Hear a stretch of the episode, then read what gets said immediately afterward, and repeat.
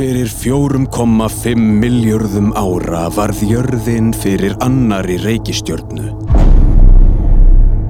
Í árekstri sem gat af sér tunglið. En hvað ef önnur pláneta myndi rekast á okkur núna?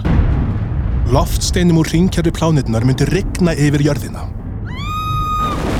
Bara það er stórslis, burt séð frá öllu öðru sem myndi gerast. Það væri eins og regnstormur, nema hver regndrópi er loftsteinn. Sólfkerfi eru ekki kyrstæð með tímanum geta plánetur losnað frá þeim vegna mismunandi aðdráttarafla. Þær ferðast um heimingeimin án heimastjörnu. Þess vegna er þar kallaðar Rogue Planet. Það eru kannski tviðsvarsinnum fleiri Rogue plánetur í vetrabröðinni heldur en stjörnur. En annar árekstur við slíka plánetu, eins og sá sem varð fyrir meira en fjórum miljörðum ára, myndi hafa aðeins eina útkomu fyrir mannkinnið. Algjört stórslis. Plánetan er á leiðinni, en þingdaraplennar er þegar farið að hafa áhrif.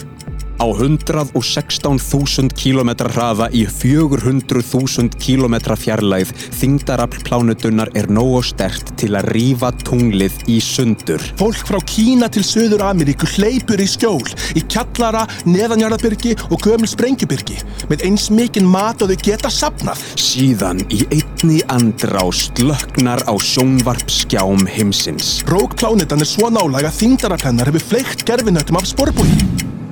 GPS hættir að virka. Þingdarafl plánetunar verkar á jarðskorpuna, jarðskjáltar og risa eldgós fylgja. Eftir því sem plánetin nálgast, rekst ringkerfi hennar á lofthjúp jarðar. Himinin lýsist upp.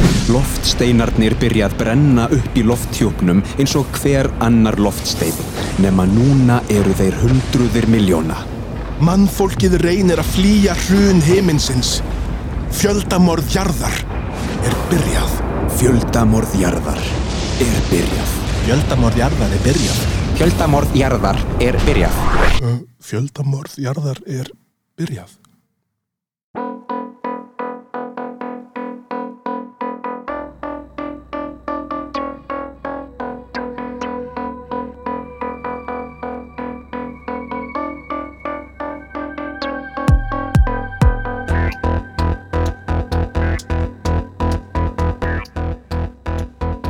Gott fólk, verið hjartanlega velkomin í þátt nummer átján af heimsendi. Hingað er komin góður gestur, Davíð Þór Katrinason. Vertu velkomin. Já, góðan daginn, takk fyrir það. Hvað segir Kallinn? Ég er bara rosalega góður. Næs, næs. Þú ert að fara á næturvakt. Já, ég er að fara nættuvægt fjórar í röð. Þannig að maður er svona að undirbúa sig andlega fyrir það. Já, já. Það er mjög gaman að gaman að undirbúa sig svona með því að gera eitthvað skemmtilegt að maður hverfur í fjóra daga. Hvernig er að vera á næturvakt í skamdeginu? Sko, eiginlega allar vaktir í skamdi er eins og nætuvaktir. Já, já. já. Því að maður, en já, það er svolítið svona, svolítið svona, það er erfitt, getur maður sagt. Já, já, já. Ég er svona, einhvern veginn á Íslandi þá, þá eru kannski bara svona tveir mánuðir þar sem ég er góður. Annars er ég í einhverju sumarmaníu eða einhverju skamdegistunglindi. Já, já, já, já. En svona september, þú veist, mæ og september eru góði. Nákvæmlega. ok. Já, ég skil, ég meina, þetta er náttúrulega, þetta er, þetta er mjög, sko, ekstrím, þetta er mjög, hérna, öfgakend, eh, hérna, skil milli sumars og veturs. Akkurat, sko. Nú er hérna, nú hefur það komið fram áður í sem þetta að kona mín er frá Japan og hún er á sama máli, sko, þetta er náttúrulega, hérna, mun þægilega eins og, eins og það sko, í Japan. Uh, það er ekki, það er ekki 21 tíma byrta á sumrin og 21 tíma myrkur á vetina. Akkurat, sko.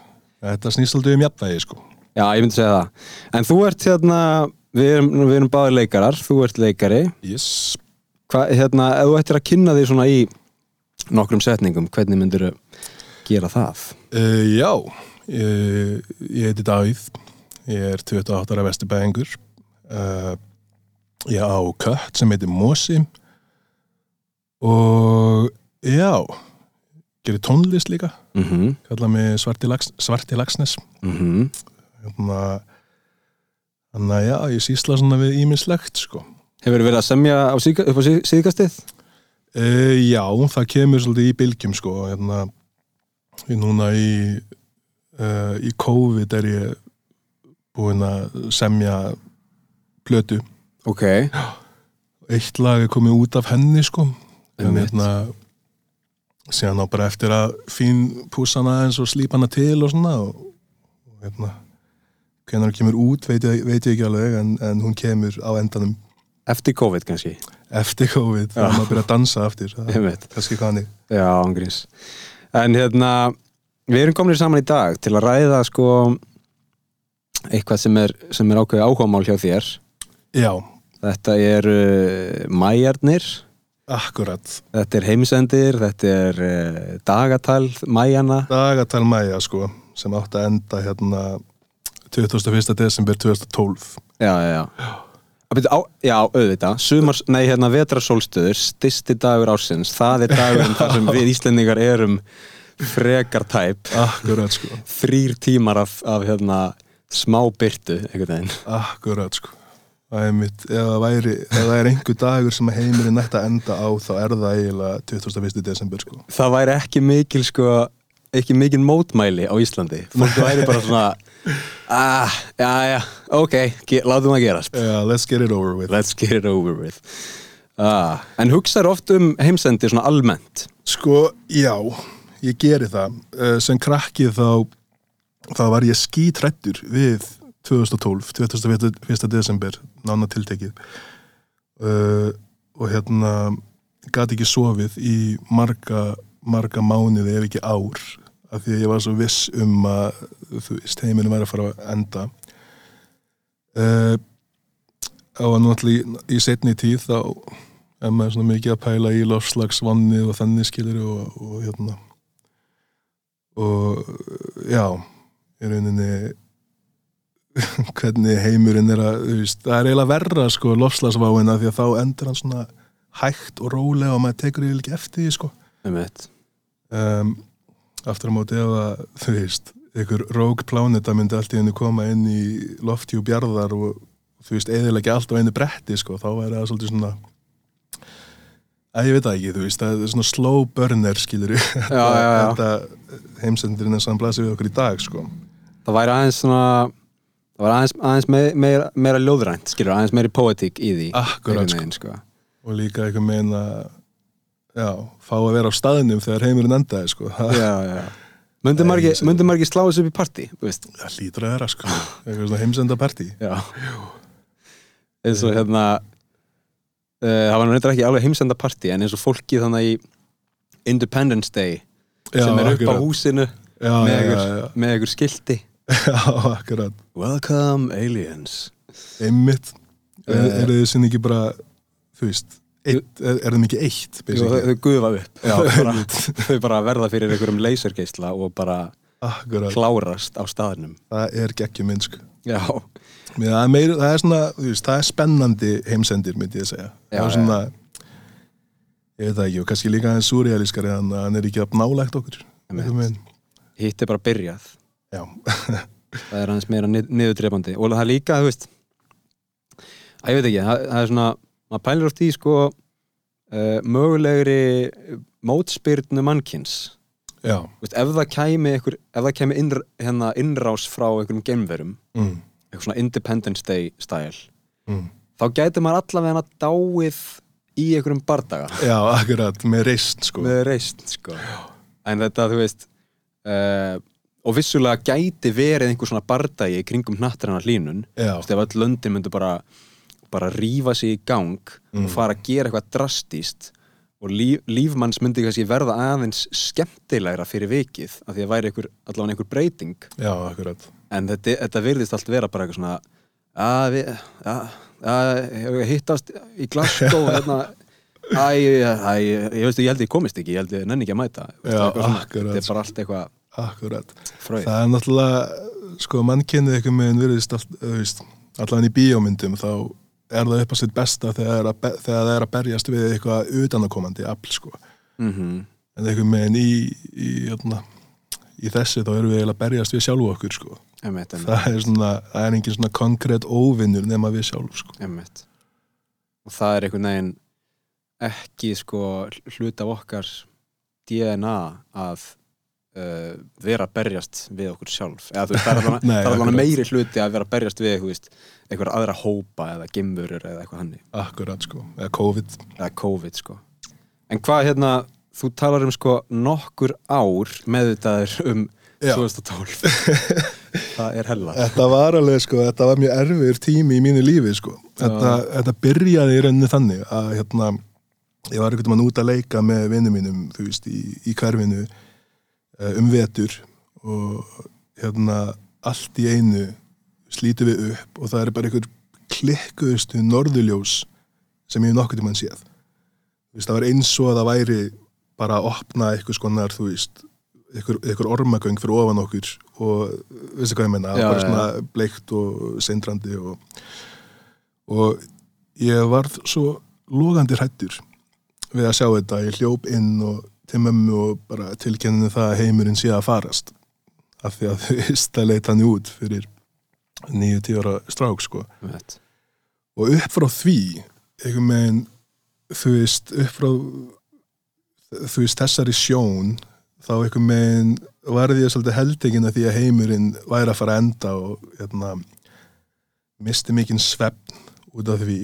Þannig að hérna var alltaf einhvern veginn að bara leið basically eins og ef ég myndi sopna og myndi heimurinn enda og ég myndi missa af því sko. Hérna og svo einhvern veginn man ekki alveg hvernig heyri að þú veist þannig að mæja dagatalið væri að endaði 2012 og, og, og þannig sko. Þá einhvern veginn var ég þú veist ég myndi ekki segja að það verið full vissum að heimurinn myndi enda þá en ég fór svona eitthvað aðeins að rannsaka það eða þú veist, innan gæsalappa að rannsaka það og hérna og já, var svona þú veist, fannst ég ekki vera örugur fyrir en 2012 bara kom og fór sko. Já, já, til að fá bara vissuna. Já, akkurat. Og ég var farin að svona þú veist, sem hérna, ungur ungur strákur að þú veist, að farin að svona reyna að reikna hversu mikið hversu mikið geti lifað þangar til 2012 ekki, já, ok, ég verð hérna ég verð hérna 19 ára, ég verð búin að vera með bílpróf í tvö ár og þá, þú veist, að því ég er með bílpróf minn ég öruglega, ég er búin að eiga kærustu og, og hérna búin að kissa hana og, og eitthvað þannig skilur Já, svona spá í því, þú veist. Hversu, hversu langt þú kemst niður the bucket list. Akkurat sko. Hérna, það er mjög gott. Og hvað hérna komst það einhverju sem þú hef, hefðir átt eftir eða þú veist? Ég var náttúrulega bara tíu ára eitthvað sko, ég átti allt eftir. Já, ég veit en það er svona mikilvægasta fyrir mig var að þú veist, vera búin að vera með bílpróf Mhm. eða búin að þú veist, fá bílprófið uh, og eignast kæristi já, svona allan í minningunni þá svona er það mikilvægasta sko. Ekki búin að kjósa það er svona, það var ekki alveg nei það var, hérna, hérna. Það var ekki alveg á listanum, sko.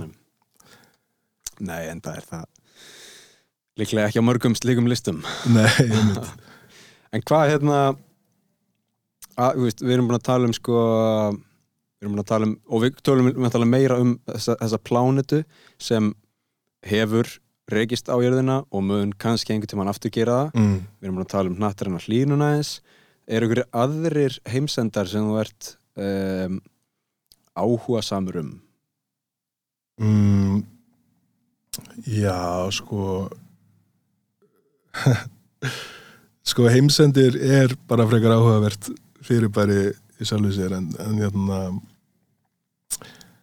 uh, ég get ekki sagt að það hafi kannski verið eit- eitthvað annað sem ég hafði miklar áhyggjur af en hérna uh, það var aðalega þessi sko þessi pláneta sem sem sagt uh,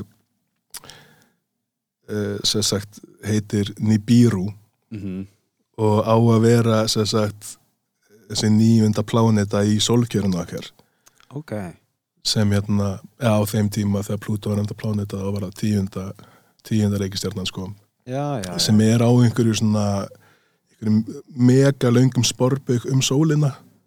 Og það væri bara tímaspilsmál hvenar hún myndi koma og bara í rauninni rústa jörðinni sko. Emitt, emitt, emitt Ný, Nibiru Já, eða Planet X. Já, já, já, já, já Ok, og þú heyrir fyrst af henni? Uh, það er góð spurning sko, ég held að það hefur verið í ykkur rannsónavinnu um hvernig heiminn myndi enda 2012 Já, já, já. Og það var einhver kenning sem sagt um að þá myndi þessi reykjastjarn að koma inn og þú veist, koma svona á milli jarðarinnar og sólarinnar. Uh, og hérna verða í rauninni bara eins og önnur sól í, þú veist, við myndum sjá hana sem aðra sól.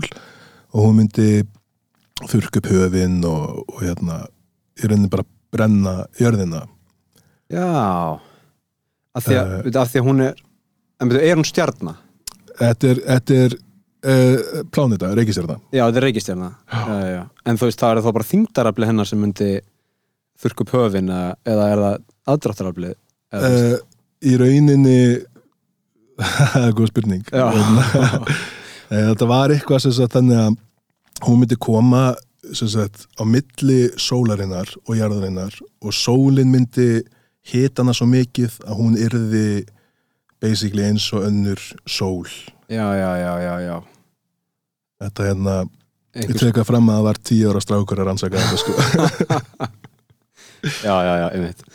Já, ok, ég hérna um, sko, svo voru að skoða eitthvað vídeo þar sem var einhver plánita sem var með svona ringkerfi utan um sig eins og Já, Saturnus. Já. Er, er þetta sama pæling? Sko þetta er uh, ekki alveg sama pæling og hérna Nibiru Mm en hérna þetta er samt alveg eitthvað sem að eitthvað sem maður hefði verið mjög hættu við í gamla daga sko. Emmett, emmett uh, Já, sem sagt í rauninni pláneta sem er uh, hvað sem sagt farin af sporbaug sinnar uh, stjörnu. Mm og í rauninni bara eitthvað að rúnda um vetrabrautina okkar. -hmm. og sem sagt myndi rekast á jörðina einn daginn mögulega. Það er þessi Rogue Planet. Rogue Planet sko. Aha. Það er eins og hérna Það er eins og þegar einhverjir svona leini, neða svona njóstnarar fara hérna go rogue. Já, akkurat, akkurat. Hérna, Í til er engu kerfi sko. Einmitt, Ethan Hunt eða eitthvað, er rogue agent. En ok, já, það er ný, ný bíru og hérna um, en hvernig var þú veist 21. desember eða, eða, eða tökum bara árið 2012 hvernig, hvernig var það fyrir þig? uh, ég var náttúrulega hvað, orðið 19 ára 18-19 ára þessu tímabili. Ég komið bílpróf. Kom með bílpróf. Búin að búin að kæristu búin að kjósa. Búin að kjósa. Þannig að ég held ég að ekki verið alveg abstressaður en það var samt alltaf eitthvað svona eitthvað svona in the back of my mind eitthvað svona þú veist að telja niður í 21. desember 2012 sko. Mm en ég er ekki frá því að hérna, akkurat 21. desember 2012 hafi ég verið í einhverju partíi sem við kölluðum með mitt heimsenda partí sko emmitt hérna, en hérna, þegar ég vaknaði 22. desember 2012 þá var mér létt við ekki það sko þá var mér létt en þú veist það er ógislega oft þannig með eitthvað svona heimsendapælingar að einhvern veginn þú veist ef það gerist ekki á þeim degi þá kemur eitthvað svona ó byttu byttu byttu við misreiknum þetta aðeins. Mm -hmm. þetta er í rauninni 2016 eða eitthvað hann skilur og heldur þannig áfram sko kolla emmitt uh, en eftir svona að hafa kannski skoða þetta svona aðeins betur sem sagt eitthvað svona með einhverjar einhverjar fríki plánetur sem muni allt í einu koma og, og rústa jörðinni þá þú veist þá er frekar ólíklegt að þú veist það væri ekki búið að taka eftir henni mm í rauninni í mörg, mörg ár fram í tíman sko. Uh, en reyndar það er frekar merkilegt að sem sagt vísindamenn telja að það sé líkast til uh, allana ein eða fleiri plánetur í okkar sólkerfi sem að við vitum ekki af. Já, já, já, já. uh, Og, og einhverju svona og einhverju, einhverju ég fyrst um, þú veist, loftsteina og halastjörnur sem er, lík, sem er líka eða, sem er líka erfitt að fylgjast með. Já, akkurat, maður er alltaf að sjá eitthvað svona veist, á diavaf.is eða eitthvað svona eitthvað svona naumur hérna, næstum því árekstur já, já, já, í fyrra. Enginn sá þetta koma. Já, við mistum að því. En það hefði getið verið mjög slæm hefði geta verið mjög slæmt sko já, af því að, það, af því að maður er einhvern veginn hugmyndmanns um stjörnufræði er einhvern veginn þannig að allt er vitað mjög langt aftur í tíman og mjög langt fram í tíman Já, akkurat en svo eru einhver, þú veist, fyrirbærið þarna úti sem bara einhvern veginn fylgja ekki þannig lögmálum mm. geta þá brenglað þessa hugmynd og geta, veist, ég veit ekki hversu hérna, snögglega þau getur fokkað upp hérna Mm. en, en veist, ég veit ekki, sex mánuður eða eitthvað? Sex mánuður fram í tíman og við myndum vita bara eitthvað hérna, eitthvað, við, við misreiknuðum aðeins. Já, við erum að gera reikningin aftur en hérna, það virðist vera að þessi plánum það hérna að fara að reykast á jörðina eftir sex mánuði. Já, akkurat. Og við erum ennþá í COVID. Akkurat. Æ, það, Það er einmitt Já. En þá einhvern veginn vill maður sjá fyrir sig sko að þetta verði eitthvað svona eitthvað svona Armageddon dæmi. Já. þú veist, ef það er lofstand að koma myndum við senda eitt góðan Bruce Willis Já. út og þú veist, með kjartorkusprengju og eitthvað. Um, Var hann borari? Eða þú veist, var hann Já, eitthvað svona ná, námu, námumaður? hérna hafi verið sko eitthvað svona ólíuborari eða eitthvað. Svona besti ólíuborarinn í bandaríkjónum eða eitthvað. Það er líka, það er svo góð hliðrun. Eitthvað svona, ef við eigum nú ekki loftsteina borara en hvað er, hvaða starf kemst næst því? Já, akkurat. Oljuborari einmitt. Og bara eitthvað nei, nei, nei, þið getið ekki hringt í hann. Hann svarar engum. Já. eitthvað svona þú veist. Hann er eitthvað svona, hann borar sex mánuði ársins og svo er hann eitthvað í Mexiko að drekka korona hérna sex mánuði ársins. Akkurat, þannig er hann einmitt í fríi þannig að það þarf að senda einhvern CIA agent að finna hann. Akkurat. Ah. Já, og hérna já, ok, þannig að þetta er þú veist, þetta er ein möguleg leið uh, fyrir heiminn að enda út frá svona spádómum uh, já uh, allavega já, þú veist náttúrulega þú veist mannstu eftir því að við einhvern veginn heyrt hvernig heimurinn myndi enda 21. desember 2012 Nei, en ég man eftir að hafa séð myndina. Já, einmitt, einmitt. Og hvað, var- hvað gerist í henni að þér? var það bara eitthvað svona allt? Já, það var bara allt, allt.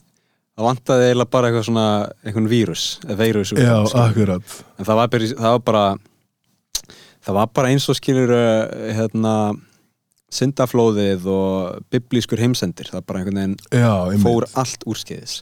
Þú veist, það voru reisastóri jarðskjáltar í Kaliforníu og á fleiri stöðum. Mm. og bara, við erum að tala um það bara eitthvað jörðin bara literally ripnaði í tvent já, akkurat. Svo var þarna einhver stektur gaur í svona hjólhísi í Yosemite National Park. Já, og John Cusack líka skilur með fjölskylduðu sína.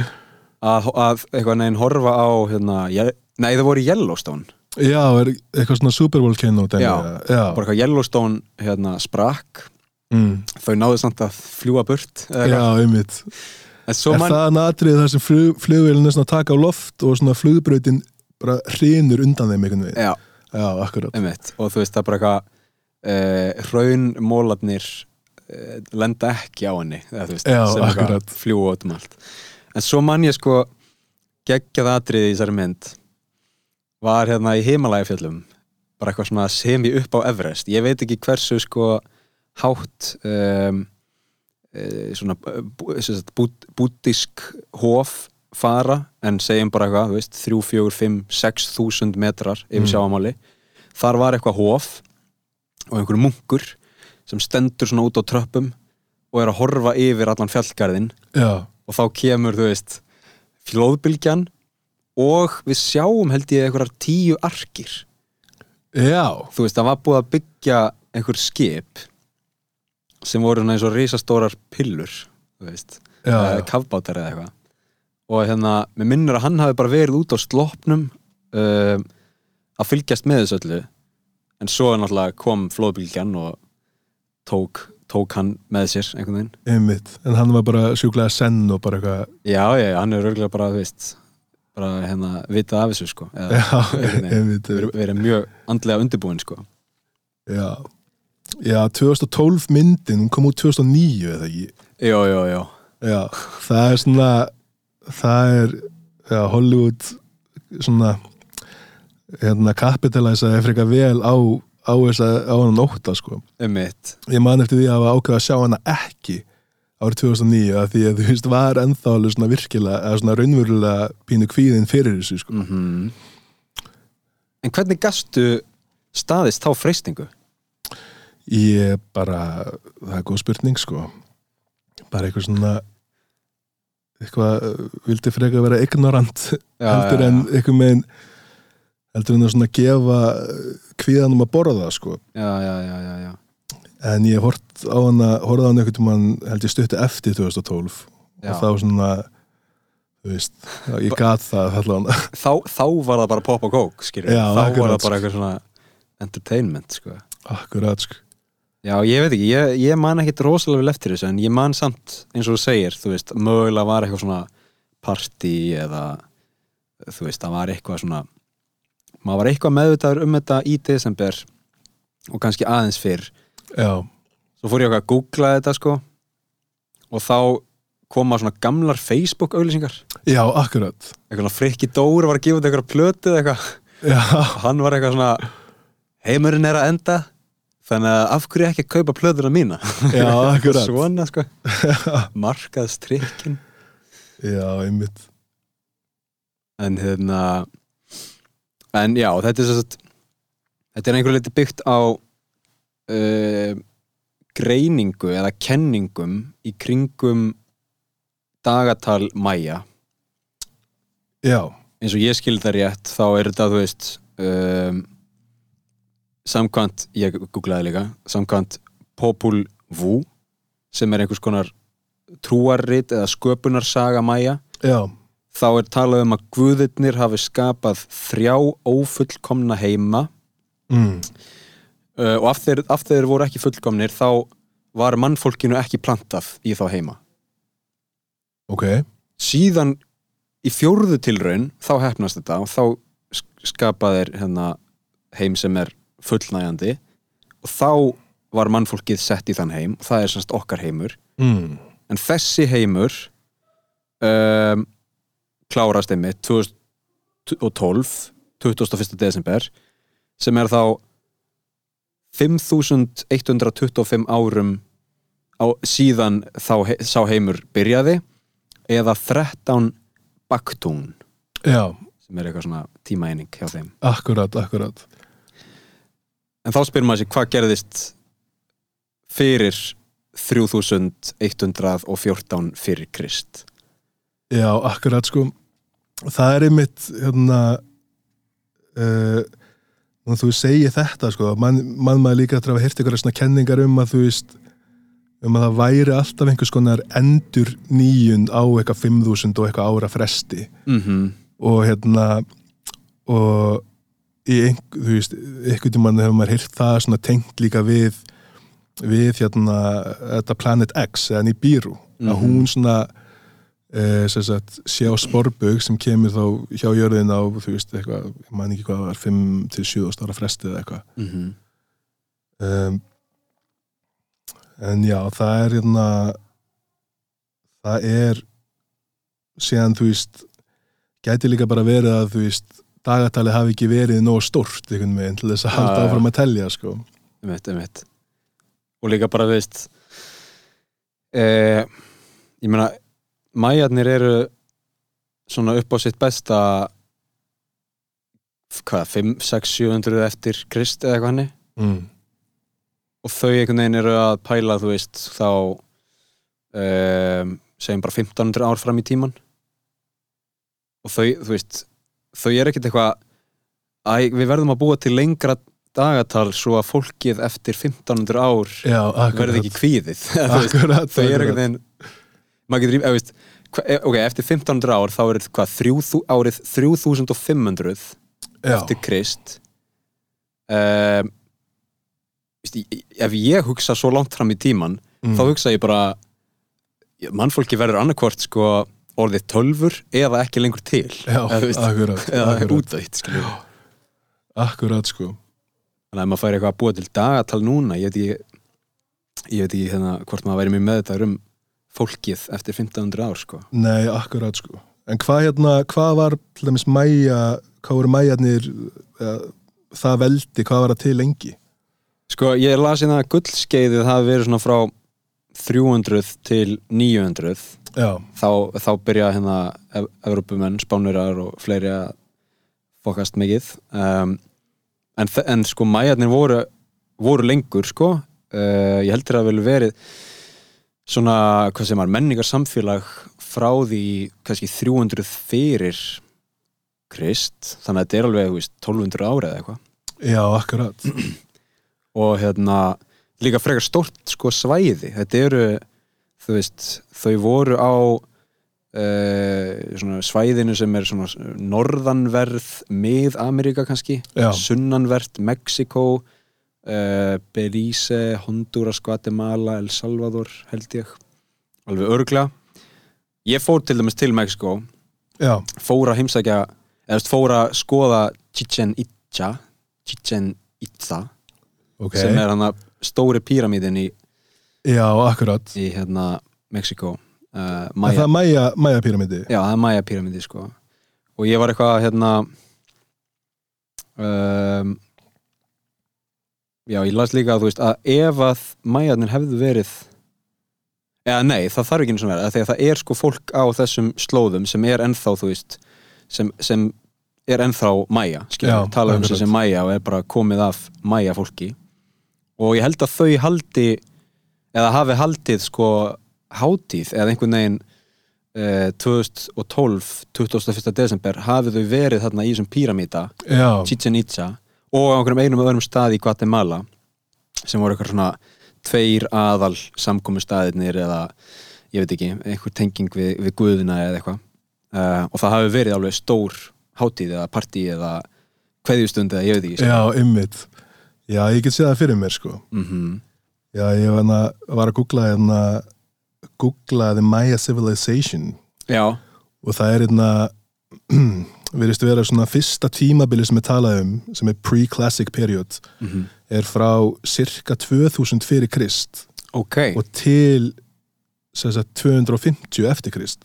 Já, já, já, það er þetta pre-classic. Já, þannig að þú veist, 2000 fyrir Krist og svo náttúrulega koma spánverðanir hann að hvað er kringum 1500 eða eitthvað hannig já, eitthvað, eitthvað svona, já, upp úr það er 1400 hérna eða eitthvað svona. Þannig að þetta er alveg helviti langlíft eitthvað með einn samfélag. Já, sem maður á eitthvað bara erfitt með að ímynda sér nokkurt samfélag endast í þúsundir ára einhvern veginn. Einmitt.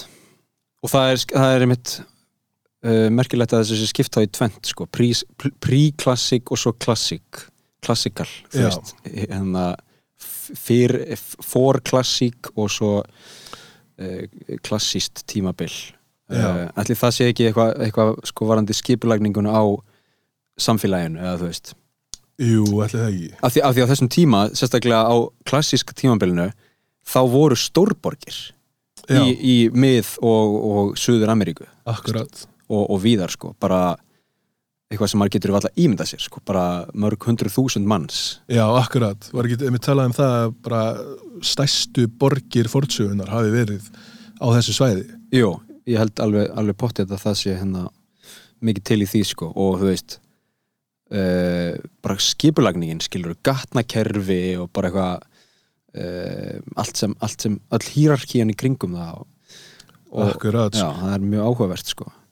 Það er það sko en það er náttúrulega, þetta sýnir okkur svolítið svona hvít þvott einhvern megin vestræna menningar sko. Mm að það er einhvern megin, já eins og í dag þegar við erum að tala þetta upp, þá, eh, taka þetta upp þá er Thanksgiving. Emmett, sem er einmitt svona hérna uh, hvað, hérna, eitthvað svona hvað heit það, pílagrímar. Pílagrímaháttíð já, veistu, ég bara, ég veit ekki einu sinni hvað sko þakkar, þakkargjörðin eða Thanksgiving er sko. Já, einmitt sko. En ég veit að, að hérna Native Americans eru ekki par ánæðir með þessa hátíð sko. Nei, nei, nei, nei, nei, væntanlega ekki sko um, Já, þetta er, veist, ég, ég veit ekki um hvað þetta snýst en, en hérna, þetta virðist vera bara sko aðkomi fólk til bandarækjana eða þú veist, Evrópubúar að fara til bandarækjana og einhvern veginn uh, framfylg, framfylgja með, með skiluru afli og jáfnvel ofbeldi uh, sinni hugmyndafræði og sinni trú og breyða henni út um allt landið. Já, og svo einhver þakkargjörð þú veist, ég veit ekki, fyrir, fyrir hvað skilur um, það er góð spurning sko. og það sem er sko eiginlega ennþá klikkara við það er að hérna uh, bara, þú veist, lönd eins og Ísland og bara einhver Evrópulönd og bara einhver lönd út í heimi eru bara að fara að taka þetta upp af því þetta er einhver ástæð eða þetta er ástæða til að skilur elda, taka mat og skilur partía. Akkurat, það vantaði eina svona góða hátíð milli, hérna, eða svona rétt fyrir jól sko, milli Halloween náttúrulega töka hátíð líka og saman. jólana Já, ég meina þegar ég var alveg upp sko, þá vissi ég ekkert hvað Halloween var. Nema, nema kannski eitthvað svona nema kannski eitthvað bækur eða myndir Já, akkurat sko, maður svona hefur séð hann graskerið Já. og þannig sko en, en þetta var ekki, veist, það var aldrei maður fór ekki í hús að og sagði greikkaði gott sko. Nei, ég man ekki eftir að hafa gert það sko. En það, ég er enda stið, ég stið alveg að það sé, já þetta er bara í dag, sorry. Hérna, Thanksgiving er, er bara actually í dag. Já, akkurat sko. En, en ég stið alveg, eins og með Halloween ég stið að hérna, þessi ykkur ástæða fyrir sko uh, börn að fara út og þú veist, verið í búningum og hafa smá gaman Já, akkurat sko. í hérna, mitt á milli, skiluru um, maður þannig alltaf að hafa eitthvað til að hlakka til sko. Já, ég segi það sérstaklega á landi eins og þessu. Já, einmitt. Þetta er svona, veturinn er svona ekki alveg byrjaður, en hann er svona hann er að seitla inn, sko, hann er að kika eins inn, sko. Uh, Jú, höfum þetta hérna höfum þetta svolítið á hreinu, sko. Uh, nú, er ég, nú er ég að googla hérna Thanksgiving. Og sko, þetta byrjaði as a day of giving thanks and sacrifice for the blessing of the harvest and of the preceding year. Já, um, og það eru til hátíðir í Þískalandi og Japan sem eru í einhverjum söpöðum pælingum. Já, ymmit og Kanada líka. Já, já, já, já, já en þú veist, það væri áhugavert að sko tala við um, uh, hvað segir maður hérna native, þú veist, fólk sem, sem var frumbyggja. frumbyggja skiluru Ameríku um þetta og heyra þeirra skoðun á þessu Já, akkurat veginn, þetta er allt svo upplásið í einhverju svona kapitalískri glansmynd. Já, akkurat sko. Það er einhvern veginn einu, einu fregninu sem fáum veist, Black Friday og Já, Cyber. Monday. Svo er um daginn eitthvað Singles Day sem ég veit ekkert hvað er sko. skilur Já, ymmit, það það er líka bara byrtist á síðustu tveimur árum eða eitthvað, vir, eða svona virðist vera. Já, og Það hérna, en ég held að þetta sé eitthvað svona sko, ég held að þetta sé eitthvað kynvesk hátíð upprunnilega sko, eða Mhm. hátíð, ég veit ekki alveg hverju þið er að fagna eitthvað, en þú veist Singles Day, mm, ætla þetta sé bara eitthvað svona fyrir einhleipa já, þú veist, að því að 11, 11 1, 1, 1, 1, einhvern veginn Já, já. að það sé svona er að klappa einhleipum svona. Þetta eru fjórir einhleipir sem koma saman og, og hérna kaupa fyllt ódýrum vörum á netinu já, já. já, ég meina þetta er bara klassíska dæmi veist, þetta er bara eitthvað svona krakkar eru spurð á jólunum eitthvað veistu hvað jólinn þýða? já, Nei, ég veit það nú ekki en það eru pakkar, skilur já, nákvæmlega veist, þetta er bara eitthvað sama veist, hérna, allir hérna, ja, margar verslunir og marg, mörg fyrirtæki á Íslandi og bara margir eru farnir að segja bara eitthvað nú er komið að því Black Friday. Já, og maður eitthvað en býtu, hvað er það? Já, akkurat. Það hljómar eins og að sé með eitthvað svona eh, eitthvað talsvert meira svona sinister merkingu í rauninni. Aha. en eða þú veist Black Friday. Black Friday. Hljómar eins og að hafi verið fram með eitthvað massið fjöldamorðið eða eitthvað á þessum degi. Einmitt. en já, þú veist, síðan er maður hefur heyrt mjög mikið í þessari viku nú er það svart. Svartur fössari. Svona þannig sko. Já, það er náttúrulega frekar steikt sko. Já, en hérna að hérna mæjónum aftur, sagður þú fórst hana, hvað heitir staðinu sem þú fórst til? Chichen Itza. Chichen Itza og er hann að El Castillo hann að píramítin þar um, Já, byrju nú við. Ég, það geti alveg verið sko. Um, Ég fór hérna í útskriftarferð úr uh, sett verkfræðinar uh, Já, þetta er sem sagt El Castillo er bara hérna spænska nafnið eða þú veist, það þýðir bara Kastalinn. Já, já, og svæðið heitir þá Chichen Itza. Þannig að hérna, þetta er basically sami hluturinn. Uh, það mátti ekki fara upp eða þú veist, það mátti ekki uh, já, fara upp tröppunar en við Nei. gáttum alveg einhvern veginn verið nálega þessu og þetta var eins og ég segi hérna, útskriftaferð verkfræðinar þegar ég var í yðnaðarverkfræði uh, Það er, það er enda geggjað sko. Það er frekar en það er þetta alveg svona alveg svona masterpiece í byggingafræði getur maður sagt. Já, og það sem er sko skemmtilegt við þannig ég man ekki, víst, ég var aðeins að því við vorum með hérna gæt, við vorum með leiðsögumann á þessum tíma og víst, margir voru bara einhvern veginn þunnir skiluru og Já. ekkert alveg til í þetta en, en ég var eitthvað svona ég var eitthvað aðeins að reyna að hérna, kynnast þessu og ég, gætin, leiðsögumann var að tala um þú veist, söguna og við sáum alls konar svona sigkatla mm. uh, þar sem höfðu fundist uh, einhverja fornleifar uh, einhverjum ástæðum er allt þetta svæðið fu- fullt af sigköllum ég held að af því að um, hérna, bergið í jörðinni er einhver kalksteinn sem, sem leysist upp uh, með tíma. En hérna, það sem var áhugavert við hennan sko, píramíta var að það náttúrulega eru fjórar áttir eða þú veist, það eru stigar einhvern veginn á öllum hliðum. Fjórar, Já. fjórir stigar sko. Um, það er svolítið svona það er svolítið merkilegt sko, merkileg hönnun veist, ég veit ekki mörg hús eða byggingar sem bjóða einhvern veginn upp á að fara inn í það eða upp á það á öllum hliðum. Já, akkurat. Það er já, það er þetta mjög merkilegt sko.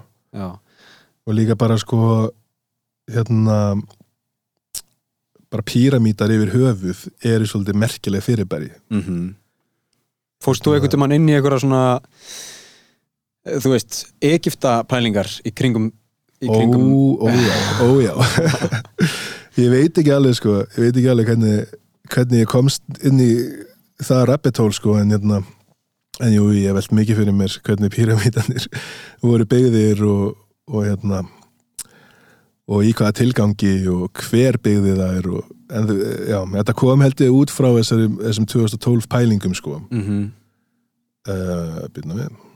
Já, 2012 pælingum og kannski tengdist það, tengdist það því líka að hérna, maður, sem unglingur þá var maður svolítið svona smóka weed og eitthvað hannig sko. Já, já. þannig að maður var alltaf eitthvað svona tilbúin til þess að grand skoða eitthvað svona hluti. Já, já, já, en hérna en hérna, já, svo, svo, svona 2012 uh, pælingar leittu mér svolítið út í sko að hérna, horfa á þætti sem heita Ancient Aliens.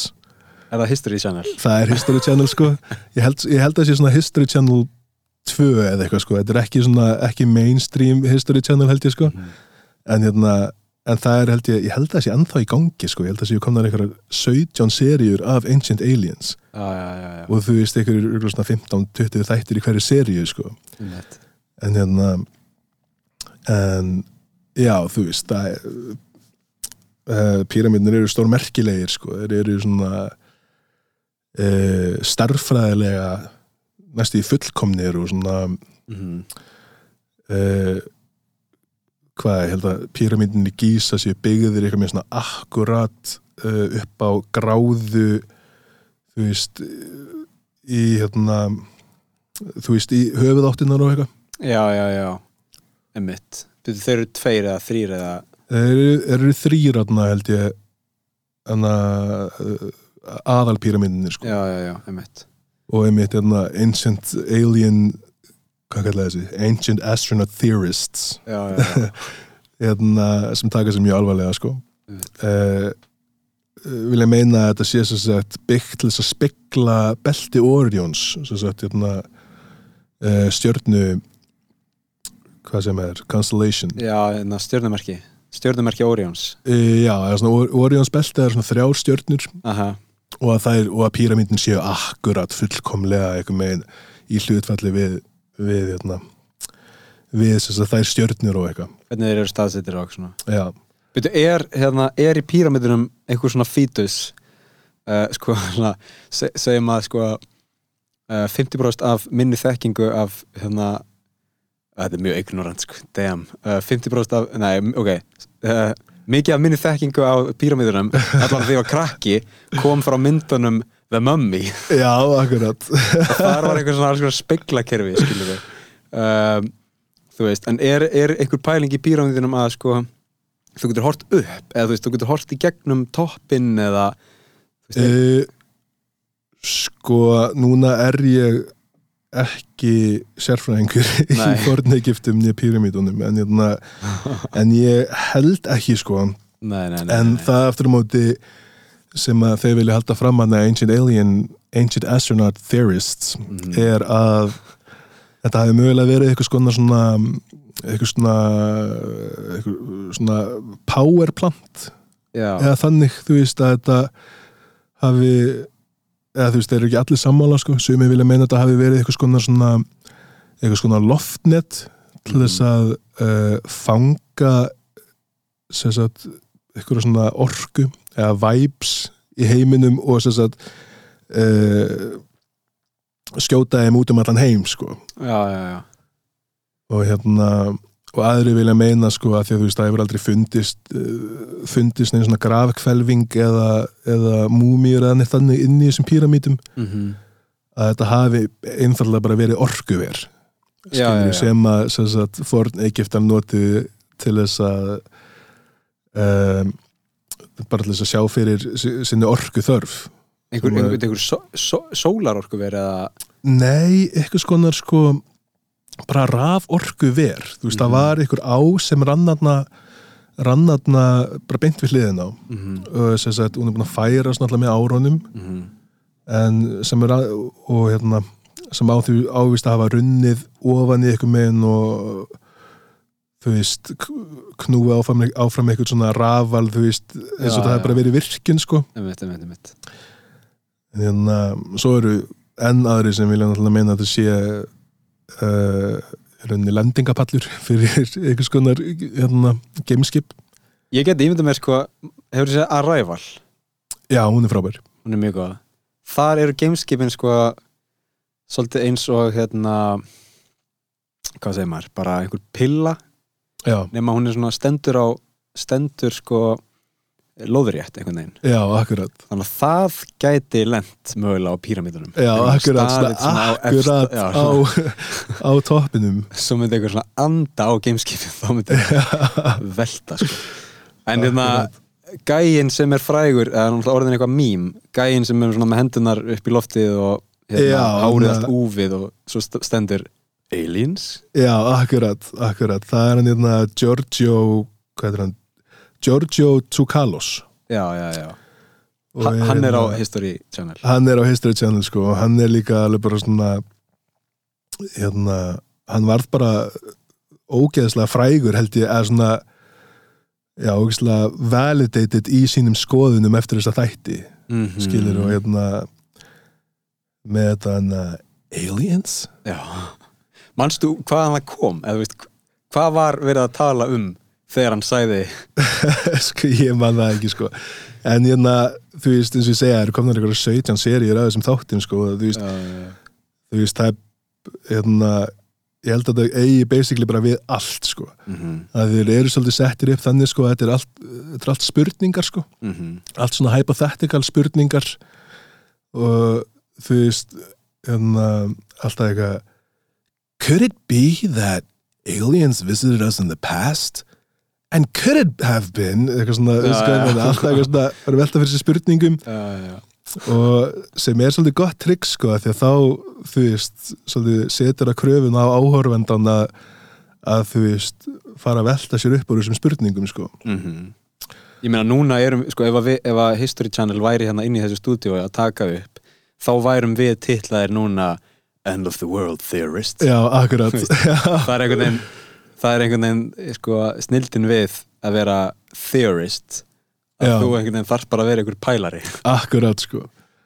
Og það er einmitt um, um, upprunalegi hérna, sem sagt, upphásmaður þessa, þessa hvað segir maður, fræðigreinar. Mm uh, hérna, Ancient Alien já, Ancient Astronaut Ains, já, já, Theory já, heitir sem sagt eða svolítið hann heitir sem sagt, það var bara svona svissneskur hótelstjóri Mm sem ákvað einhvern veginn að fara að skoða söguna aðeins nánar Mhm. og segir síðan sko að þú veist, miða við mína rannsóknir þá kemur þetta ekki allt heim og saman það hljóta að hafa verið gemverur sem stóðu að bak, stóðu, stóðu að bakvið þetta Mhm.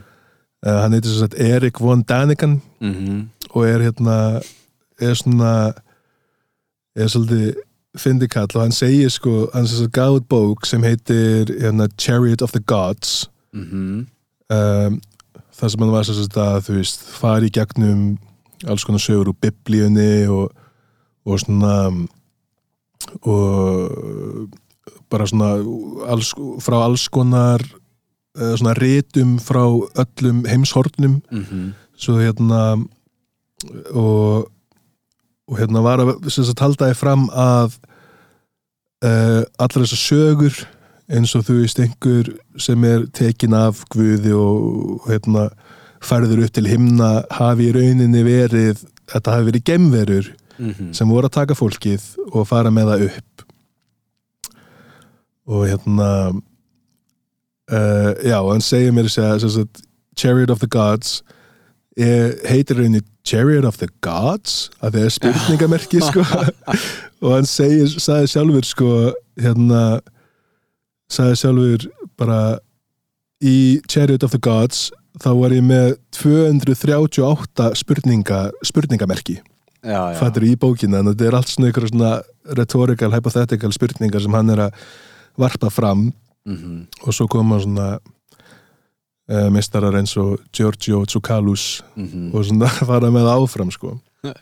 I might have an answer. Al Aliens? Aliens? Could it be Já, Það er örgulega Það er svo gaman að, djamma með þeim gæja. Jú, öruglega sko. Öruglega sko. En það hérna uh, Er þetta, þú veist Er hann að skrifa, Erik, Erik von Daniken Er hann að skrifa þá okkur svona non-fiction theoretical þú veist, theoretical uh, pælingabækur. Hann er ekkert að skrifa einhverja veist. Sko, nei, hann allan að vill meina að þetta sé, sé fræði sko. Mm uh, uh, fræði sem kollvarpa allir í okkar heimsmynd. Mm. en hérna myndi ekki segja að þetta væri svona þú veist, veistu hver L. Ron Hubbard, Hubbard er?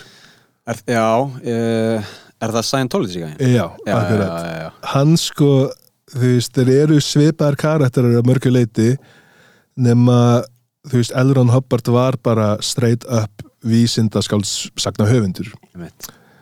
uh, sem einhvern veginn já, Sá sér leik á borði. Já og tókst að breyta einhverju geggjaðri sci-fi bók í trúabröð en, en Erik von Daniken sagði sjálfur sko að hérna hann vildi alls ekki að þetta er það trúabröðum Mm hann er bara að velta fyrir sér áleitnum spurningum sem að og hérna sem að fólk á að taka lengra og rannsaka sjálft. Mér, mér, það er alveg valið, finnst mér sko. Já það er það sko. He, Hefur þú lesið eitthvað eftir hann? Nei ekki, ég hef ekki lesið neitt sko Nei. en ég hef hort á slatta af þessu Ancient Alien, alien dæmi sko Já, já, já, já, já Já, hérna, ég, ég gerði það mikið sem, sem ungur hassau sko Já, já, já, já. í sannleika sett en hérna, Var það sko, þú veist, var það eitthvað svona entertainment, var það afþreying eða var það eitthvað svona dýpra quest, dýpri sko dýpri leiðangur eitthvað svona, ég ætla að komast að einhverju niðurstöðu hérna. Já, ég sko, ég, ég held að það hafi verið bæðið sko. Já, já, hérna, ég man að á tímabilið þá var ég alveg svona alveg svona ah, já, veistu hann, hefur eitthvað til málan að leggja þessi, þessi Erik von Daniken. Mhm. Uh, og ég, sem sagt, ég man að einhvern tímann þá svona opnaði ég mig fyrir félaga mínum og hérna sagði bara eitthvað ég veit ekki, við hefum kannski verið svona 15 ára eða eitthvað mhm. bara eitthvað, heyrðu hérna uh, hefur þú ekkert mann pælt í því hvernig píramídinu voru byggðir og eitthvað svona það var eitthvað svona, svona þess að kanna það hvort að hvort að hérna, hann uh, hefði væri kannski móttækilegur fyrir þessari kenningu sko. ok, en þú veist, ég var ekkert eitthvað ég var ekkert eitthvað standandi á á kartöflukassa að reyna að predika fyrir fólki sko. En ég var samt alveg svona þú veist alveg svona til í í þessar pælingar sko. Mhm. Uh, ég meina ef við pælum í því þá, þá er þá er hérna þú veist þá er margt óútskýranlegt með hvernig píramidinu voru beður og hann í sko. Já, en líka bara, þú veist, eins og talar um þessi trúarrit og bara svona sagnarit frá mismunandi heimshlutum mm. sem er að tala um kannski eh, einhverjar frásagnir fólks sem hefur séð einhvern brotnuminn eða þú veist hérna tekin upp til himna eða eitthvað, eitthvað svona óutskýrt óutskýranlegt í, í hinnum hérna eh, svona eðlislega heimi Mm. uh, sumir myndu líta til trúarinnar og segja bara, já þetta er Guð. Akkurat, veist, það er oft sagt eitthvað svona Guð, Guð fer sínar leiðir. Eða þú veist, já, einmitt, vegir guðs eru órannsakanlega einmitt nákvæmlega þú veist. og svo er bara hinn hliðin, á penningnum já þetta hljóta að vera geimurur já, akkurat þannig að út frá því þá þú veist, hver er ég að dæma skilur og hver er ég að hérna, um, einhvern veginn uh, vera, koma fram með einhverja niðurstöðu í því máli Já, akkurat sko. Og það, það er svolítið það sem hann hérna, eða það sem þessir ancient astronaut theorists er, a, er að segja sko, að Mhm. þú veist fólk uh, í fornöld hafi bara ekki haft vit á því sem þú voru að sjá. Mm -hmm. og það er leiðandi uh, bendlað einhverja mjög þróa tækni bara við guð og eitthvað guðlegt sko. Já, já, já. Um, það er alveg pottit eitthvað í svona mannlegu eðli að maður, maður á rosalega erfitt með að ganga frá borði þú veist, ekki vitandi eða ekki með einhverja hugmynd uh, veist, það er rosalega erfitt að segja eitthvað svona ég skildi ekki, ég veit ekki hvað, hvað er í gangi þannig ég ætla bara að hætta pæli. Já, akkurat sko. Maður- það, er alltaf einhver meginn svona að, að einhver meginn hvað sem er rök uh, rök stiðja eitthvað skilur já, rauninni. elda þráðin einhvern veginn og Já, rannsaka það og, og ég meina, veist, ég er mjög mikil áhuga maður um vísenda skáldskap bæði bíómyndum og, og hérna, bókmyndum sem verkfæri til að gera þetta. Mm, þú veist, eitthvað svona við vitum ekki eða, eða sko við hérna við vitum ekki hvernig það myndi líta út ef að e, Nibiru já, myndi rekast á jörðina en við getum búið til bíómyndum það eða, veist, við, já, getum, akkurat, akkurat. við getum einhvern veginn séð það fyrir okkur við getum ímyndað okkur hvernig það væri byggt á einhvers konar vísindum en, en vísinda skáldskapurinn er oft góður miðill til að e, fá einhverja svona mynd á það. Já, akkurat. Það er hérna, mjög, mjög satt sko. Talandi um það, hvernig hérna, við rættum það reyndir aðeins þann en hvernig hvernig væri sá heimsendir um, þú veist, þú sagðir að, að hérna, plánuðan nýbýr, nýbýru myndi koma milli sólar og jarðar og þurrka upp höfin út af hita en myndi, þú veist, aðdráttaraflið uh, rífa jarðskorpun í sundur? Já, þú veist náttúrulega það myndi hlita fylgja þig líka sko. Veist, þetta er náttúrulega eh, sem sagt á að vera bara massíf massíf pláneta mm og hann að þingdarafli myndi þú veist, valda flóðbylgjum og, og jarðskjáltum og, og eldgósum og bara öllu skilur sem gerðist í 2012 myndinni skil. -hmm. um, var, veist, var einhver útskýring í 2012 á því, eða var það bara eitthvað svona ég bara mann það ekki sko. Nei, ég ekki man heldur, bara eftir bara einhverjum fullt af þú veist það bara shit hit the fan sko. Allt saman á einu bretti. í ruglið sko. Um, en hvað þú veist segjum sér svo að við myndum fá hérna fréttir. Bara hérna uh, kæru Íslendingar. Þykir leitt að tilkynna ykkur það en uh, eftir sex mánuði þá mun plánið það reykast á okkar jörðu og já, við munum öll það, já Já, einmitt. Hvað myndum Og að í gera, ágúst eitthvað að tilkynna þjóðinni það. Guðblessi Ísland. Já, einmitt. Hvað myndum að gera? Það er svo góð spurning sko. Það er hérna, myndir maður ekki bara fara í gegnum eitthvað svona sorgaferli og þú veist, byrja á einhverju hvað, byrja maður á afneitun og, og þú veist, séðan verður maður reyður og, og sorgmætur og eitthvað þannig og svo einhvern veginn tekur maður að því sátt. Hlýtur að vera, eða, þú veist ég meina alltaf að ég er ekki ekki þjóðaliðtói eða, eða klárast í vísindamæri í heimi en að þú veist, ég held að enginn væri eitthvað að hlaupa til og færa mig í eitthvað neðanjara byrgi skilur við, þú veist, eins og í svona eins og í þessum myndum. Þannig að þú veist, ég held að fyrir svona bara bara svona venjulegt fólk þá það maður einhvern veginn bara að reyna reyna að taka þess átt og, og djamma eða eitthvað sko. Sko ég held að það fyrsta sem ég myndi gera væri að hérna dílita öllum samfélagsmiðlum. Það væri svona það væri svona nummer eitt sko. Já, einmitt, svona aðeins að reyna já, en, en þú veist, svo á móti kemur að veist, ég á fullt af vinum í Japan og þú veist, fleiri löndum og ef ég hefði sex mánuð eftir og ég meina, ef það væru sex mánuður eftir á jörðinni þá væru örgulega tvær vikur eftir af flugvélum eða eitthvað skilur já, akkurat. Þau væri ekkert að rönna bara eitthvað skilur fimm mánuði og hætta svo. Nei, akkurat, það er sko. allt í chaos, þannig að ég veit ekki kannski myndi maður, mynda GPS myndi hægt að virka og svona, já, já ég meina það eins og hérna- kemur fram í þessu myndbandi. Já, einmitt, eftir því sem að plánutan kemur nær og nær og nær og aðdráttararbiðin er meira og meira og meira. Þá finnum maður meira og meira fyrir áhrifunum.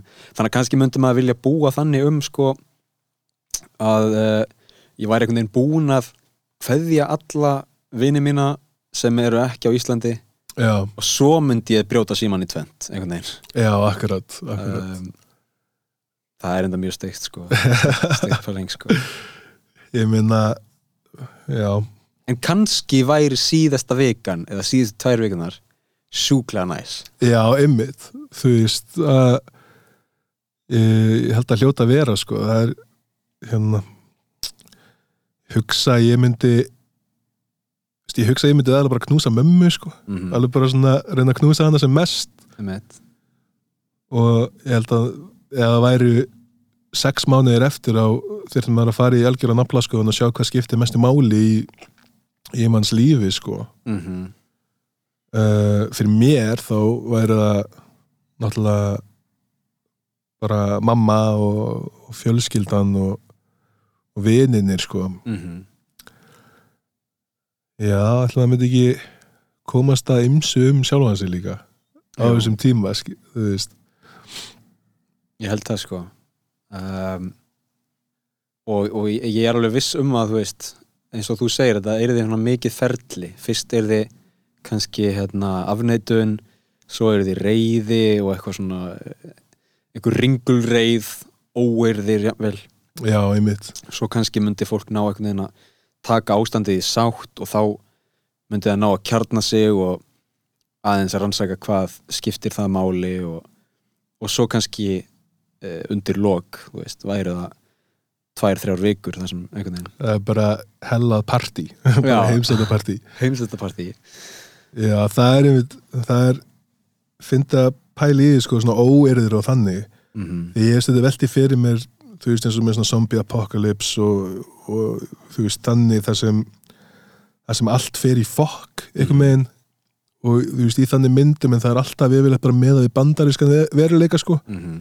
þú veist, fólk getur ekki þú þarft að komast frá A til B en á leiðin er fullt af einhverjum, þú veist, fólki sem ætlar að drepa þig og stela af þér og þú veist um, við veit ekki svona klassisk sena það sem að það sem að fólk hleypur inn í maturuverslun til að ná í eða apotek til að ná í insulín fyrir krakkan sinn eða eitthvað þannig skilur og þarf að berjast í gegnum þetta allt saman, Mm -hmm. en þú veist, hvernig myndi það lítið út á Íslandi? þú veist, ef að þú veist, allt væri bara að fara í fokk. Sérðu fyrir er eitthvað svona, þú veist, nonna eitthvað, ætla eitthvað skjótaði með byssu til þess að reyna að taka af þér eitthvað? Einmitt. Nei, ég held að það hérna uh, Jú, kannski fyrst skilur við uh, að Því ég held að þú veist, svona fyrstu viðbröð eru bara eitthvað, maður veit ekki hvað maður á að gera.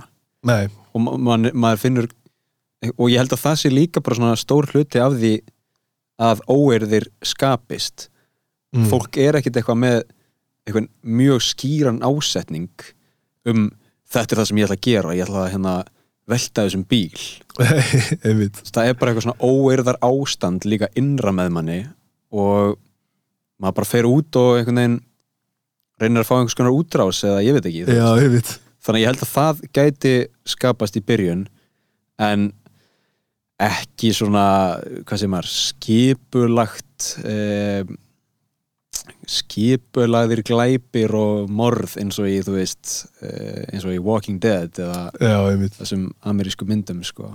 um, einhvern tímann myndi maður bara þú veist, gefa allt þannig upp á bátinn og bara bara skilur faðma alla út á götu eða, Já, akkurat. Ég sé, sé það einmitt svona freka fyrir mér að fólk svona sapni saman á austuvetti til þess að gráta í föðmum hvers annars einhvern veginn. Mhm. Einmitt. En það er náttúrulega með að við að maður fái fyrirvara sko. Já, Ef já, þetta, þú veist, já, svona allt í einu allt myndi fara í fokk. Mhm. þú veist, ef að svona bara engi myndi láta mann vita og svo svona allt í einu svona byrtist bara ný sól á himnum og ég veit ekki þá kannski fær maður ekki nann tíma til þess að sætta sig við það. Nei, og líka bara það fæ maður ekki þann tíma til að sko átta sig á því. Nei, akkurat. Ég held að það var í verst skilur, ég ímyndað þér ef að bara stúdíóðu núna myndi bara byrja að titra og því var bara eitthvað látnir eftir þrjár mínútur þá væri maður bara eitthvað, "Bíddu, hvað gerðist og svo bara búm, Já, akkurat. Það væri líka fakt sko, Já, en ég, ég meina þetta væri, á, þetta væri mjög áhugaverð rannsókn að hérna þetta væri svona þetta væri svona stærsta aprílgap í heimi ef að ef að hérna ríkistjórn eða ef að eitthvað svona þjóðarleituar heimsins á COP26 í Glasgow voru bara ekkert að tala um loftrenna hnattrenna hlínun já heldur voru þau bara eitthvað að skipilegja næsta aprílgap þú veist, sem er 2022 og þau myndu bara einhvern veginn telja okkur öllum trúum að þetta væri að gerast og við hefum sex mánuði þangað til hérna af því ég á ekki stjórnukíki, ég veit ekki hvað ég myndi ég, ég get ekki afsamlega ef að allir í heiminum ef að allar ríkistjórnir myndu segja að þetta væri að fara að gerast og svo hérna myndum við fara í gegnum þetta ferli, þú veist, afneitun og svo óerðir og svo grát og svo einhvers konar mögulega fullkomið samfélag sem er bara ekki með neina samfélagsmiðla og við erum öll mjög náinn og, Einmitt, allir svona vinna fyrir hvern annan og, já, og þannig. Og erum bara öll saman á austurvelli í bara geggjum málum. Og þá er eitthvað svona 1. apríl. Og þá er eitthvað myndum maður ná skilur myndum maður ná að eitthvað svona aaa, en hei allir, ef við ekki að halda bara í sama kerfi? Já, akkurat. Eða værum við bara þú veist grípa aftur beint í símana og fara aftur í sama horf? Já, einmitt. Það er reyndar, það er ógeðslega fyndið að það væri svona væri svona bara eitthvað svona, ætlaði bara hvað segir maður? Að þjóðarleitóðar ætlaði bara svona uh, teach you a lesson sko. Já, já, já, svona, sko, þetta getum við krakkar. Já. Já, þetta er auðvitað síðasta fólki sem myndi gera það sko. Það væri, væri frekar ef það væri eitthvað svona hópur af svona 10 til 13 ára krökkum eða eitthvað. Já, ef einmitt. þau fengju að ráða hugmyndinni. Það verið sett svona think tank og, já, og hérna, hérna, hvernig leysum við vandamál heimsins? Já. Þau, þau myndu örgulega koma með eitthvað svona pælingu sko. Já, akkurat.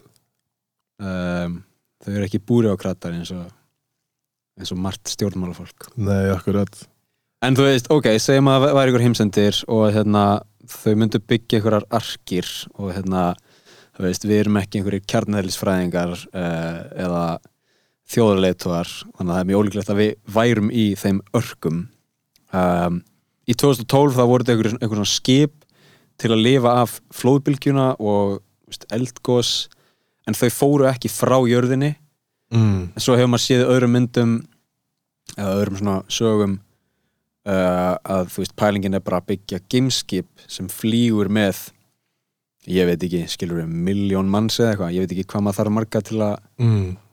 stop, þú veist, stopna nýja hérna byggð eða eitthvað. Nei, einmitt. Svona, svona arkir eins og var í atna, hvað, Interstellar til dæmis? Aha, það ekki, já, það er frábær mynd mm mm mjög góð. En uh, þar voruð við að byggja eitthvað svona eitthvað gameskip sem átt að ferja ég held samt bara eitthvað svona nokkur hundruð eða eitthvað. Já, já, já, þú veist og hvort þau voru líka með eitthvað svona eitthvað fósturvísa eða eitthvað þannig í, um borð skilur við mm en um, já, og örgulega þú veist hérna hérna ekki, ekki fucking sæðis bankan heldur hérna fræbankan. Seedbank. Já, hérna fræbankan á hérna Svalbarða. Já, þú veist, einhver, einhver hluti hans færi örgulega með. Já, akkurat, akkurat. Um, svo er bíómynd sem heitir Passengers með Jennifer Lawrence og já, Chris. Þeir eru sko fjórir Chris hérna, hann ég man aldrei hver er hvað sko, það er Chris Pine, Chris Pratt Chris, já, Chris Pratt. Chris Pratt var ég að já, segja sko, já, Veit, já, já, veit. akkurat. Það er mjög góð mynd sko, það er hérna hann eitthvað vaknaði óvart og átti þú já, veist það er eitthvað svona 200 ár þangar til þau hérna já, koma skilur og hann eitthvað damn, nú þarf ég að vera einn. Og vakti hana bara. Já, akkurat. Það er svo svakalegt sko. Það er rosalegt sko. Um, en þú veist, mundir þú ef að ef þetta væri einhver pæling. Gætir þú uh, ef, ef þú fengir bara the golden ticket eins og Willy Wonka mundir þú fara um borðið í orkina? Gætir þú gert það? Þá skilja bara alla eftir eða, ég gerir ráð fyrir því, ég veit ekki, þú veist ég veit ekki hvað Það- þetta sé eitthvað plus einn eða já, einmitt, það er þetta góð spurning sko. Ég man sko að hérna í Deep Impact myndinni uh, held ég alveg örgulega að sé hún þá er Elijah Wood leikur krakka sem við kíkir í stjörnu kíkir upp og spottar loftsteinin sko. Mm hann fær að taka fjölskyldunstuna með sér. -hmm. uh, þannig ég vona að myndi vera plus 1 ég veit ekki alveg hvernig ég myndi taka með.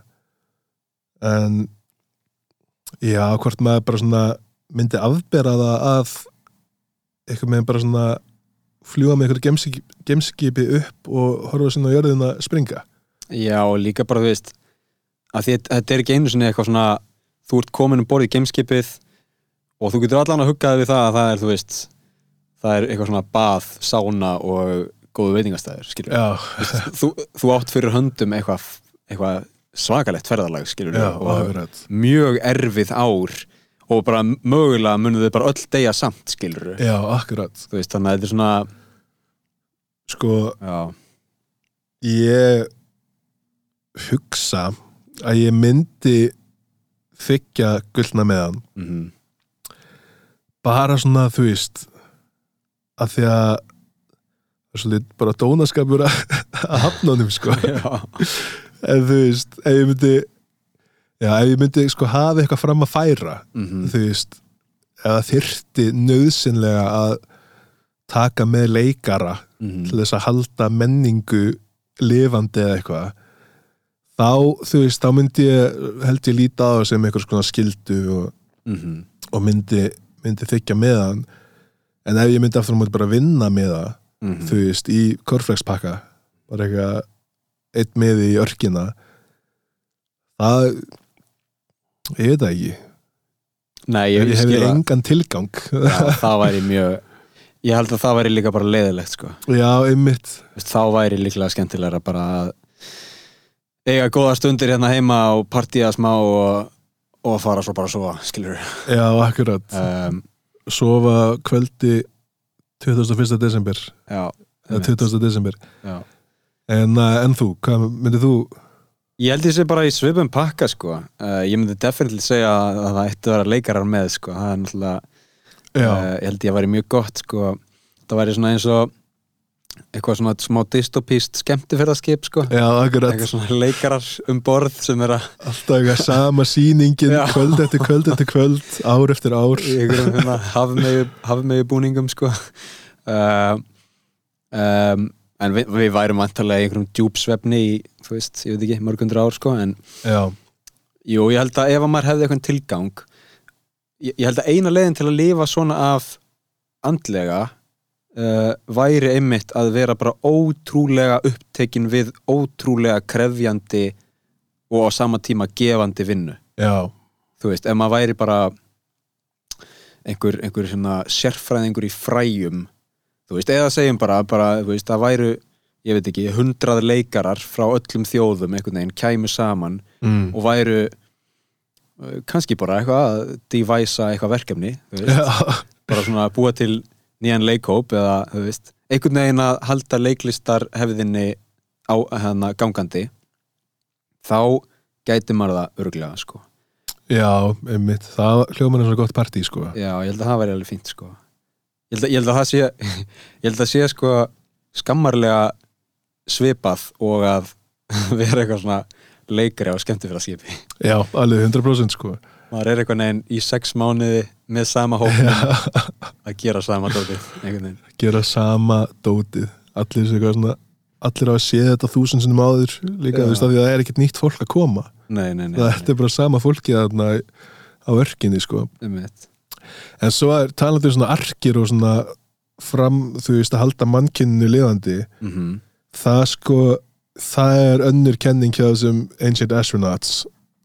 Að hérna Adam og Eva hafi í rauninni verið eitthvað svona sem sagt, eitthvað svona síðasta von ykkurs samfélag sem að send skilur við hingað til þess að til þess að halda sagt já, mannkyninu gangandi býstu við Mhm. að þetta náttúrulega uh, eru þá væntanlega ykkur skonar ykkur skonar mannkyn mm sem býr ykkur staðar í alheiminum. Eða ykkur staðar í vetrabreytinni uh, já þannig að það er sko þessir ancient alien uh, ancient astronaut theorists hafa hugsað fyrir öllu sko. AAT skamstöðinin já, Ég meina, ég myndi alveg kaupa það og hérna þú veist væri það þá ekki bara gemurur eða veist, væri það ekki bara gemururnar sem sendu síðustu tvo eftirlifundur af sínu kyni til Mm. jarðar og síðan í gegnum hérna 250.000 ár höfum við þróast orðið mannkinn já, um, þú veist ég hérna maður reynir alltaf að vera opinn af því að það er bara miklu skemmtilegra. Já, Eh, nákvæmlega sko. veist, varðandi gemverur, varðandi hérna, trúarbrögð, varðandi spásagnir og spádóma og allt það sko um, smá kannski hérna smá áhættu samt að velja bara tvo. Já, akkurat. Ef þið væpa ekki sko. Já, já, já, ég veit það verður vandræðilegt ef þau væru ekki að hérna, fíla hvort annað sko en, en hérna kannski svona í einhverju veist, já, meikar akkurat.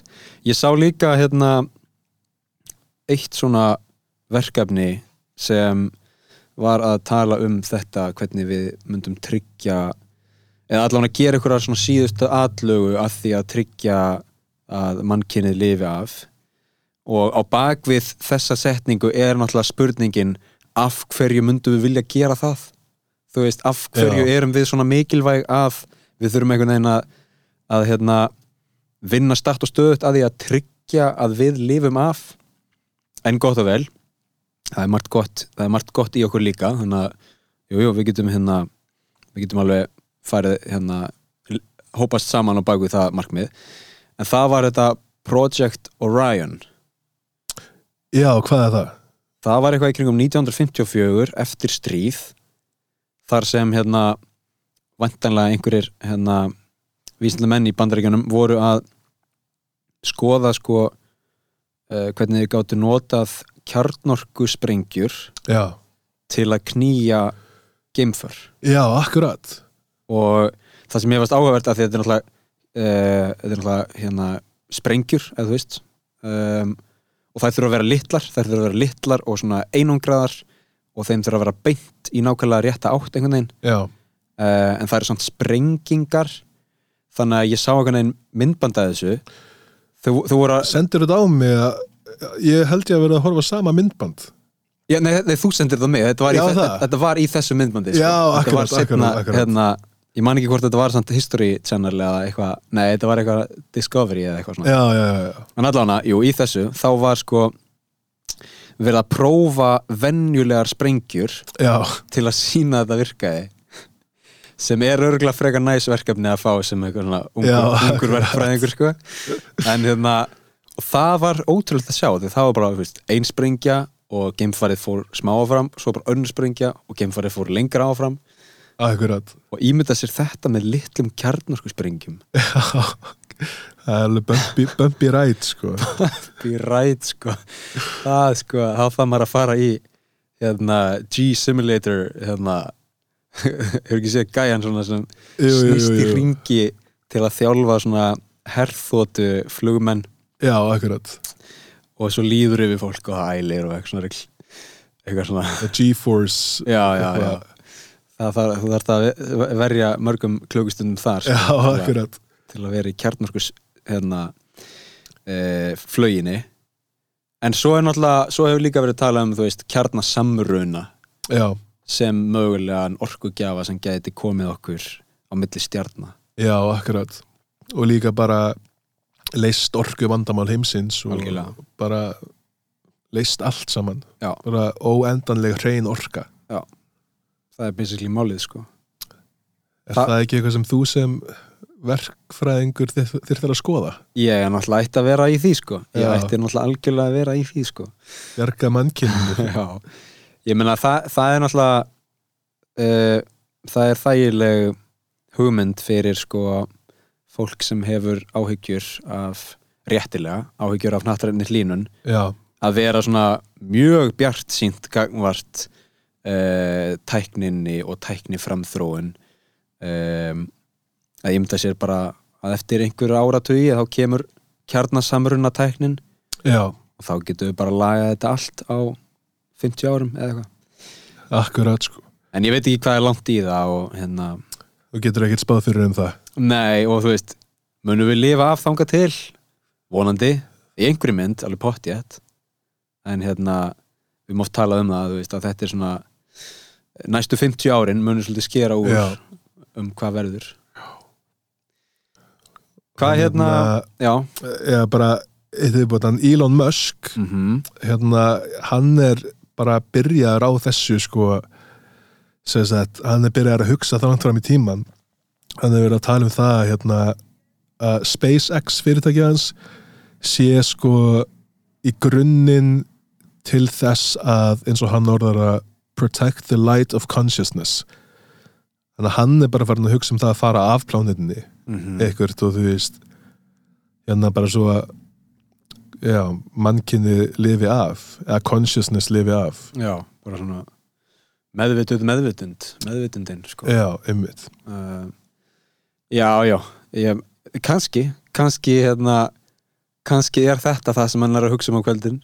Já, ég meina potið, þú veist, hvað hugsa maður um þegar maður, þú veist, þarf ekki að hugsa um neitt annað já, já, reyndar, reyndar. Og líka, þú veist til þess að geta unnið og unnið svona rosalega mikið og einhvern veginn tilengað svona mik mikill orku þá þarf verkefnið vantanlega að vera verðugt. Já, akkurat. Og þetta er vissulega verðugt verkefni já, að tryggja framtíð mannkins Ég held að vera auðveldara fyrir mig allan að persónulega að hérna, þykja gullna miðan til að fara til Mars.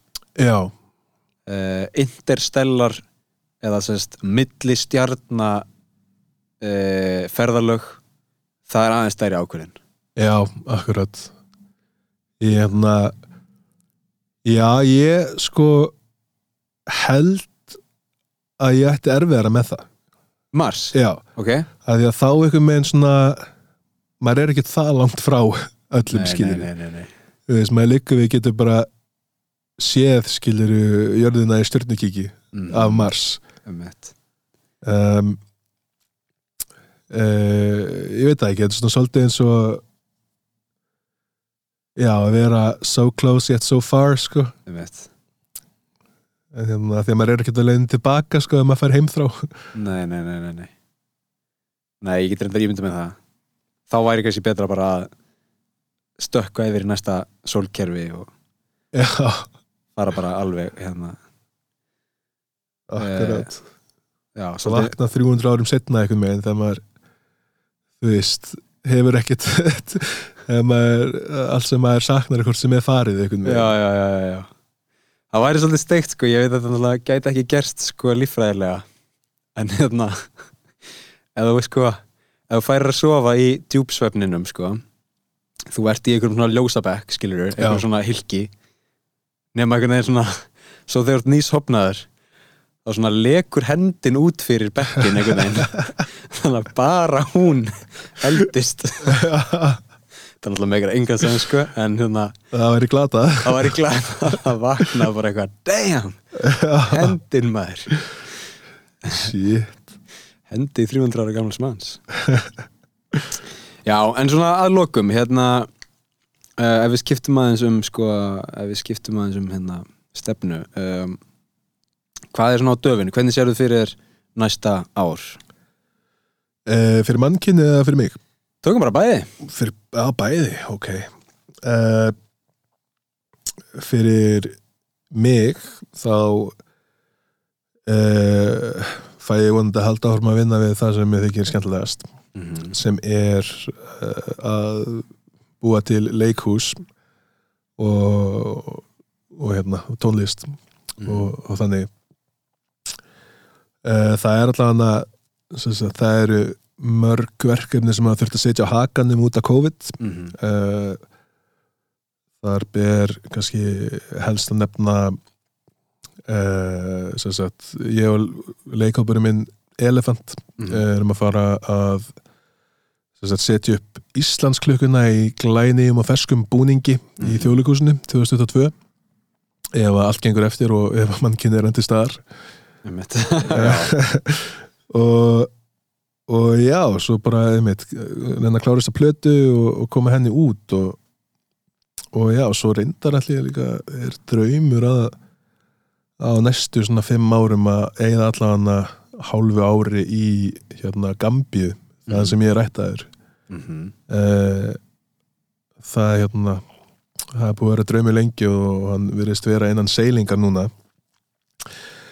Uh, fyrir mannkynnið shit sko ég meina við þurfum að gera eitthvað drastist já, er það ekki ja, þú veist, ég, ég held það sko ég, ég vona að að hérna klárara fólk heldur en ég finni upp einmitt kjarnasamruna mm -hmm.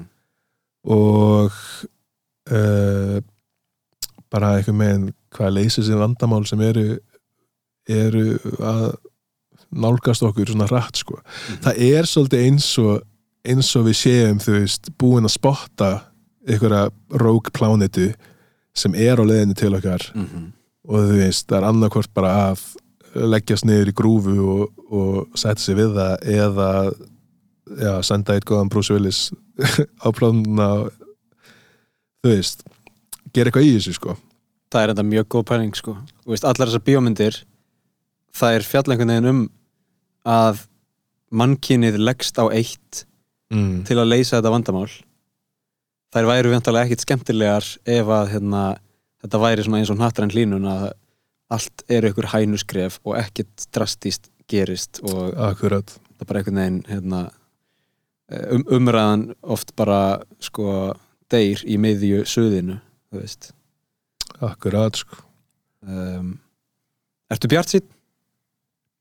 ég er svona eðlisfæri svolítið svolítið hérna bjarsinn manneskja. Jæja, þannig að þú veist uh, já, ég er svona svona uh, já, ég er bjarstýtt segjum, segjum það bara, já, segjum tveir sko. Það ekki? Íslandsklökan 2022 Svarti Lagsnes, nýtt drop yes, yes sir. Og hérna Party, party, party. Yes. bara þakka þér kærlega fyrir komuna Já, takk fyrir mig mér Þetta var mikið fjör. Mikið fjör, fyrsta, fyrsta podcast sem ég fer í Þannig að stór dagur í mínu lífi. Heiðurinn er allir mín megin. Davíð Þór Katrínarsson, þakka þér kærlega fyrir og gangið vel á nætuvaktinni Takk fyrir